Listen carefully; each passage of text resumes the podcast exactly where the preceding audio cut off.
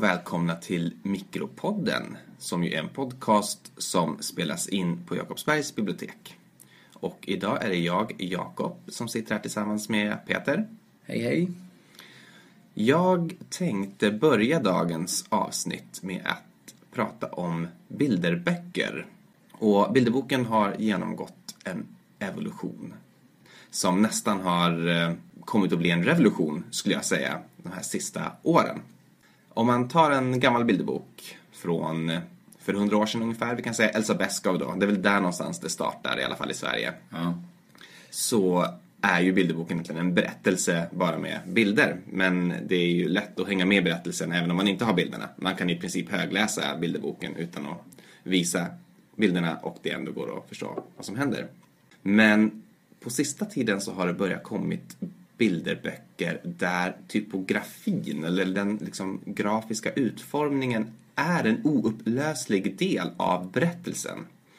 Eh, jag, tänkte, jag tänkte göra ett exempel här så, för att man ska förstå vad, vad man menar. Och jag tänkte faktiskt börja med att läsa högt ur en Elsa Beskow-bok som heter Farbror Blås nya båt.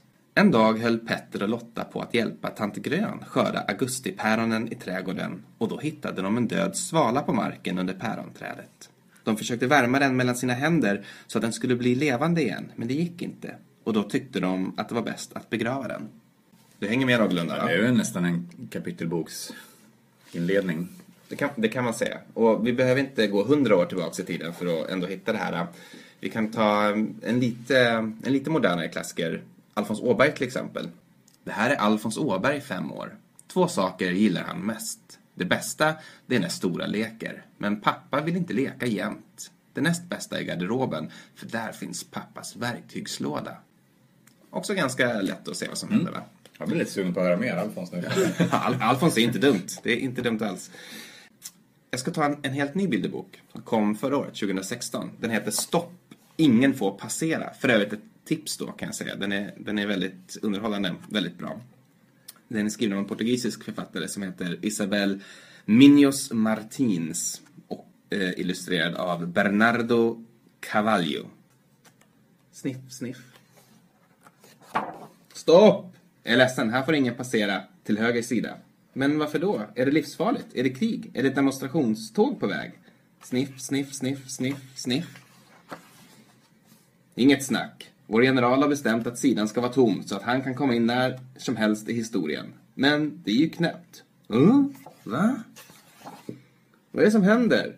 Inte tala med främlingar, inte tala med främlingar, inte tala med... Fr... Du borde visa respekt för de äldre. Men jag måste ringa ett samtal. Typiskt. Det som händer är att ingen får passera till andra sidan. Men hallå?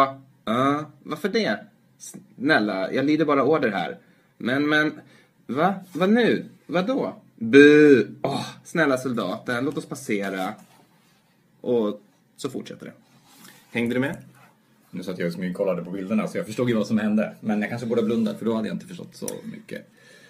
Den här berättelsen då, det är egentligen ett uppslag mellan vänster och höger sida i boken. Varje, varje uppslag liksom, finns en spänning mellan vänster och höger sida. Där massa människor samlas på vänster sida och en soldat står och vaktar så ingen går in på höger sida. Och det blir mer och mer folk för varje sida som kommer och det liksom blir en kakafoni av röster.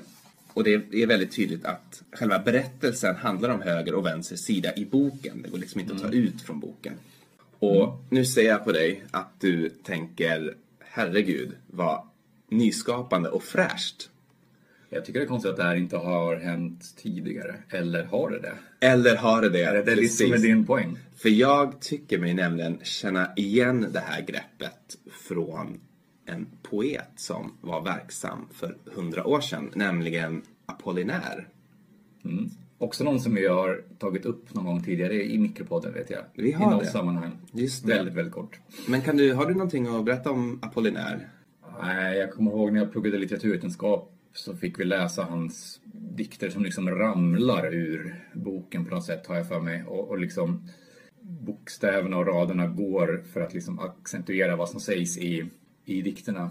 Han- Är jag rätt ute? Ja, du, du är rätt ute. Han var verksam för ungefär 100 år sedan i Paris. Föddes i dagens eh, Vitryssland, eller i nuvarande Vitryssland, men flyttade till Paris som ung. och lärde känna hela kultureliten där. Så han var kompis med Picasso och Salvador Dalí och Gertrude Stein och Hemingway och, och alla de andra parisarna helt enkelt. Och var en väldigt viktig figur där. Han levde ett väldigt intressant och kort liv. Eh, bland annat 1911 så blev han anklagad och arresterad för att ha stulit Mona Lisa från Louvren. Eh, det var inte han som hade gjort det, men han lät polisen förstå att hans kompis Pablo antagligen låg bakom den här kuppen, då, efternamn Picasso. Den verkliga förövaren var någon sorts konstförfalskare som hette Vincenzo Perugia. Även han levde ett fantastiskt liv, men det kan vi prata om någon annan gång kanske. Hur som helst så han åstadkom mycket eh, Apollinaire. Förutom då sina egna verk så ligger han också bakom termer som kubism var han som kom på. Ja. Surrealism var han som kom på också. Det var han som lyfte fram Marquis de Sade ur historiens glömska och populariserade honom som författare. Men kan man, kan man kalla Apollinaire någon sorts eh, andlig ledare för hela hela modernismen nästan? Är det, det, är det stora ord? Ja, det, ja, vi gör det tycker jag. Vi gör det, vad skönt. jag tycker vi säger, jag tycker vi säger att, att vi gör det. Eh, han var med i första världskriget också. Blev skadad, fick en granatsplitter i tinningen. Kommer aldrig riktigt hämta sig ifrån. Han dör faktiskt under första världskriget. Men inte, inte i sviterna av sina skador utan han drabbas av spanska sjukan och går under i den helt enkelt. Då är han 38 år gammal. Eh, postumt 1918, så kort efter hans död, så ges diktverket Kalligram ut med undertiteln Poem om fred och krig 1913 till 1916. Och där beskriver han sina upplevelser under världskriget. Men det är inte för ämnet som det här diktverket har gått till historien utan för formen. För Kalligram uppfinner också kalligrammet. Och ett kalligram, det är ett poem där typografin är också oupplösligt förbundet med ämnet.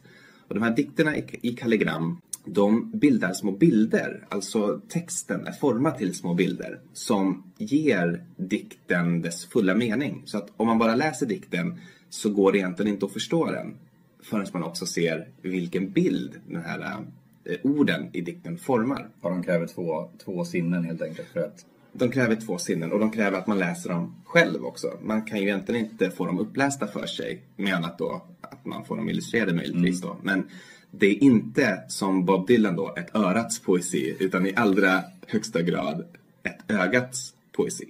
Eh, Apollinaire han var väldigt, väldigt stolt över att han kom på det här fantastiska sättet att skriva dikter där dikterna också bildade små bilder. Och han skriver i ett brev till sin vän André Billy eh, att kalligrammet fulländar typografin och att det också utgör någon sorts lysande slutpunkt för typografin. Han tror att i princip kommer skriven text eller tryckt text att upphöra existera. Därför att nu kommer man att använda medier som grammofon och film. Det kommer att ta över all kulturell och eh, kunskapsöverförande roll som texten har haft nu. Men att texten, texten eller typografin som konstform fulländas i kalligrammet. Och det är lite lätt att göra sig lust över det, för text finns ju. Text finns i allra högsta grad. Text finns det. Och, och kalligrammen har ju egentligen inte, inte blivit någon sådär vansinnig succé ändå, va? annat än som en liten lustighet. Nej, men det är väl det när man går så långt man kan gå på något sätt. Det händer mycket där modernism med liksom musik och, och, och, målning också. Alltså när, när du liksom slutar med att dra ett rakt streck eller när det slutar med att du gör musik som bara innebär att du sitter och bankar på piano, då måste du på något sätt gå tillbaka eller sluta. Det kanske är så. Eller som i det här fallet, gå framåt. För jag tänker ju att de här bilderböckerna, det är ju moderna kalligram. Ja, absolut. Det är ju, även om de då inte ser ut som kalligram så är det ju litterära verk vars form och innehåll är ett och samma och där det ena inte kan frikopplas från det andra.